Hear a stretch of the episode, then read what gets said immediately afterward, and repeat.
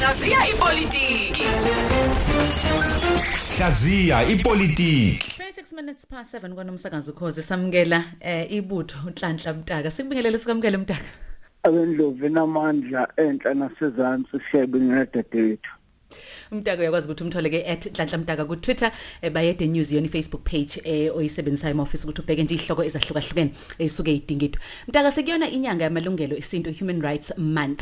Ake sibheke ilungelo leli lelungelo okuthiwa ilungelo lokusebenzisa noma yiliphi ulimi ofisa ukuthi ulisebenzise.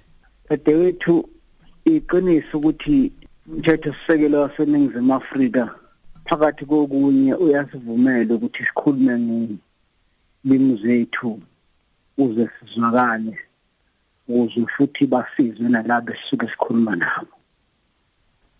Kuyishwa nokho ukuthi kwabezindaba nakwepolitiki leli lungelo lokusetshenziswa kolimi lwethu futhi ulimi lwabohlanga noma noma yiluphi nje ngayisixhosa ngayisizulu ngayisishangane ngayisiswazi alihlonishwa lingahlonishwa nje alihlonishwa izinhlaka ezimqoka.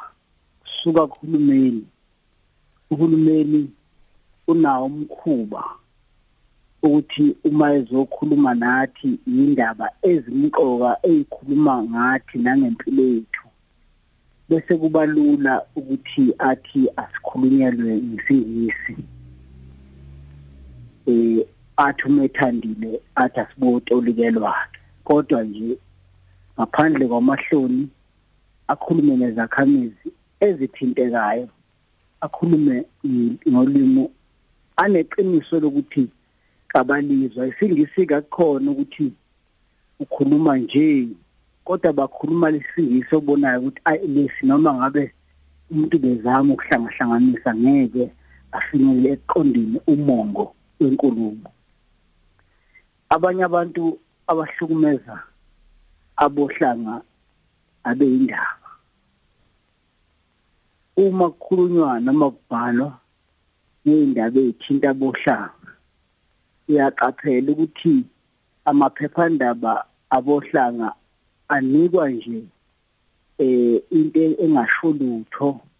Emisho uhulumeni nodwa mefuna ukuyokhuluma udaba lomhlaba efuna ukukhuluma udaba lomnotho uya emaphephandabeni esilungu ngoba uyakholwa ukuthi abantu bazoyizwa kangcono noma uzofinyelela kulabo akhuluma nabo angezi nawakithi awakithi awathumele nje uma ekhuluma into engenamsebenzi nawo amaphephandaba eh uma ekhuluma nathi noma ebhala uma ebhala ngesilungu abhala into uyizwa ukuthi hayi nomongo kodwa uma kufika kithi kungeke lutho. Ake ngiye lapha emsakazweni ngiqale ngalo wakithi engikhuluma kuwo.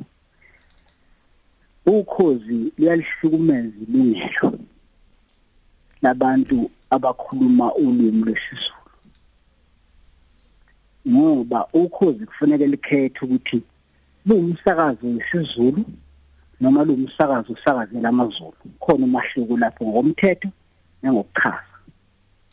Ngoba ukhoza likwazi ukuthi lamukele ukuthi umoya eminye imisakazo yesilungu noma esibhunu laba bantu kuthiwa bazohlaziyela abantu mabeya kuleyo msakazo abalenzi iphutha lokuthi adideka akhuluma isixhosa noma akhuluma isizulu noma akhuluma iswati uma ebizwe umsakazo ukhuluma isibhunu uyoqeqebula ngesibhunaza ayoqeda ngoba uhlonipha abalaleli balowo msakazo uhlonipha inqubomgomo yaleyo msakazo.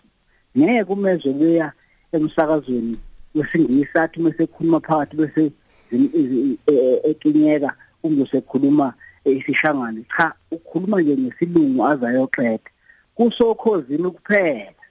La khona umhlaziyi noma ungoti noma umsakazi ke nje athi uma esekinyeka umntu sekhulumisa ngisumangala ukuthi usedliwa yini lo muntu noma usengenwe yini noma usedeleliswa yini ngoba umqondo uma kade ekhuluma ngesizulu laba osuke belalele sebewakhile isithombe esithize uma ususuku uya kolunye ilimi khona ingozi ukuthi ubashiya ngemuva. Ngamafuphi ngithi?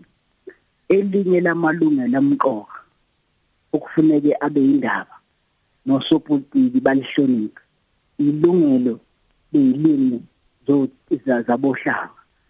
Ukuthi abohlanga nabo kulelizwe banelungelo lokuzwa hayi ukutolikela lokuzwa umongo kwaloko kusuke kukhulunywa ngaphandle kokuthi eh balokhu betolikelwa betolikelwa kukhulunywe ngilimi zabo.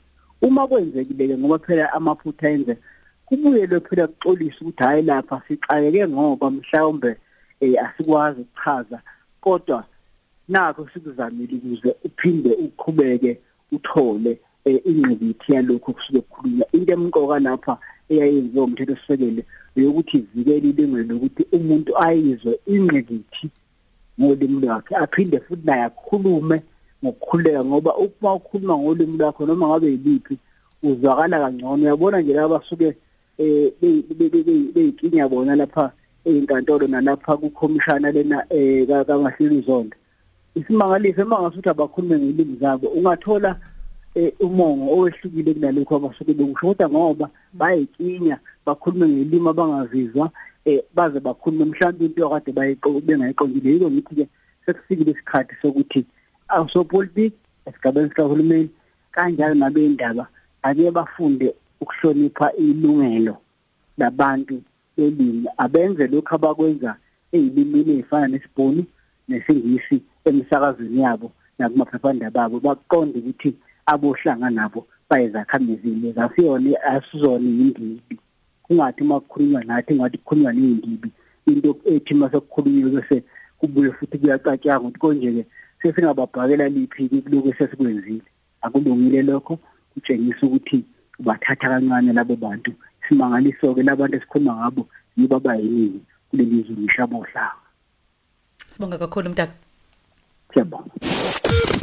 Hlaziya ipolitiki. Hlaziya ipolitiki.